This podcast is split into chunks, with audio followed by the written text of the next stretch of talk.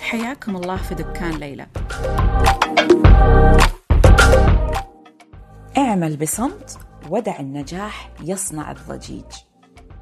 بعيدا عن بيئات العمل المثالية على الورق وبعيدا عن التفلسف لا مو كل الشركات كذا. الواقع هو إذا إحنا من هالنوعية معظم الشركات بتكون كذا. لاحظوا أنا ما قلت الشركات كلها كذا. لأن على الرغم من أن هذه المشكلة موجودة في بعض الشركات وتكبرها بيئات العمل الغير صحية يظل الموظف إحنا العامل الأكبر في هذه المشكلة. إي إحنا.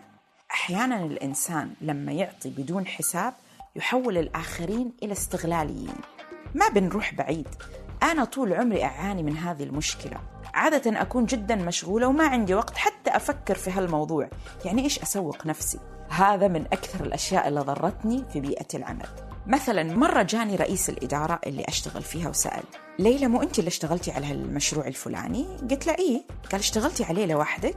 قلت له إيه. أو خلينا نقول 99.9% يعني. قال لي ليش فلانة من الوحدة الثانية حاطة أنها اشتغلت عليه وإنه من إنجازاتها؟ قلت له هي مشاركتها الوحيدة إنه أول ما بدأنا المشروع وحطينا اجتماع حضرت هذا الاجتماع. وبعدين الكل انسحب. عشان كذا ظليت أنا الوحيدة اللي اشتغلت عليه. بس البجاحة إنه الشخص اللي جت وسرقت المشروع وحطته باسمها حتى مو من نفس ال unit مو من نفس الوحدة اللي أنا أشتغل فيها من وحدة مختلفة. بس هي تعرف إن هالمشروع ما راح يدخل ال system تحت اسم أي أحد فقدرت تسوي هذا الشيء. وطبعا ليش صارت هذه المشكلة من البداية؟ لأني ما عملت ضجة. لأني أنا ما عملت ضجة. ترى اللي يعملوا الضجيج وكبروا حجم أصغر مشروع يسووه هم اللي يترقب الساكتين لهم الجنة ويمكن بعد ما يروحوا الجنة. طبعا عندي قصص كثيرة عن هالموضوع والناس اللي فيها ما انمسكوا زي صديقتنا هذه بس ما راح أطول عليكم. المهم خلنا بشكل سريع نتكلم عن خمس نصائح لتسويق أنفسنا في بيئة العمل. أول شيء ضع أهداف وحط خطة عمل. إحنا لوين نبغى نوصل؟ كورس ترقية من الشيء الصغير للشيء الكبير كل شيء يبغى له خطة. لا تتركها في راسك اكتبها لأن أنت لما تكتب الهدف لازم تحدد مين الناس المرتبطين بتحديد هذا الهدف. مين الناس اللي عندهم تأثير أو سلطة عشان تحقق هذا الهدف. عشان أنت بعدين تعرف لمين تتوجه. من هنا نجي إلى النصيحة الثانية بناء علاقات مع الزملاء والرؤساء.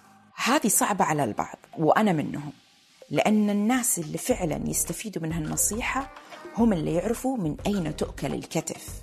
وفي ناس نسميهم آسكسرز المتملقين اللي يطبلوا للإدارة. طبعا إحنا ممكن نبني علاقات نظيفة مع رؤسائنا وما راح أقول لكم طبلوا وتملقوا. أنا بالعكس أفضل أحافظ على مبادئي وهذا من الأشياء اللي تضرني في الدوام.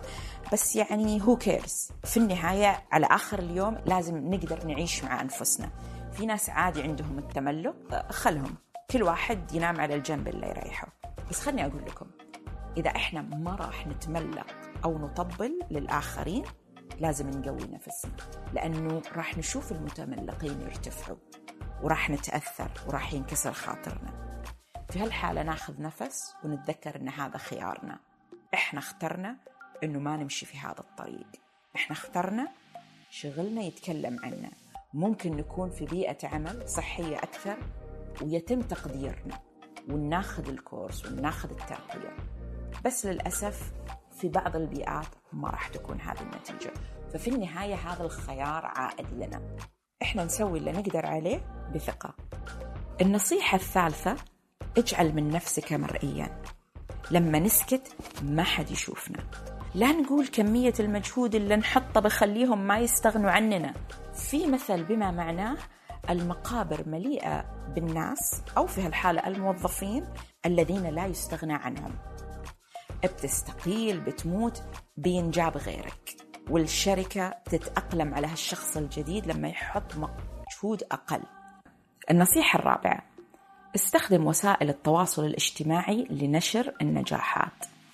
صارت معي في شركة واحدة ارتفعت ارتفاع صاروخي في فترة زمنية قصيرة بسبب الواسطة. عندها واسطة وعلى طول حطوها في شغلة مرة كويسة. كانت فاشلة في شغلها بس تحط لك بوستات تويتر ولينكد إن تعطي نفسها مسميات وتتكلم عن إنجازاتها بشكل اللي ما يعرفها يقول واو وش معجزة الله على أرضه هذه؟ مثلا جت مع واحد وسووا جمعية وحطوا فيها ست أشخاص. الست أشخاص اللي حطوهم حتى ما هم موظفين رسميين. وخلنا نقول مثلا سموا هالجمعية جمعية الحفاظ على البيئة. جمعية يعني أونلاين ما لها وجود. بس هذه صديقتنا كتبت إنها النائبة التنفيذية لجمعية الحفاظ على البيئة. وقاعدة تحط واجتمعنا وسوينا وأنجزنا. على جمعية يعني كوميتي ليس لها وجود على الحقيقة. أو ما لها أهمية على الحقيقة. وهذه الشطارة في التسويق للنفس. آخر نصيحة لكم وهي النصيحة الأهم التوثيق دائما وثقوا كل شيء تعملوه. أي شيء تسويه أي شيء تنجزه أرسل إيميل. كل شيء نعمله كل شيء ننجزه أرسل عنا إيميل. سوينا شيء مش بالإيميل انطلب منا شيء مش بإيميل نرسل إيميل ونقول بناء على محادثتنا بشكل المشروع الفلاني كذا كذا كذا. حطوا حد للمتملقين لأن المتملقين معظمهم هم نفسهم الاستغلاليين اللي بيسرقوا شغلكم وبيرزوه في عين الإدارة على أساس إنه شغلهم.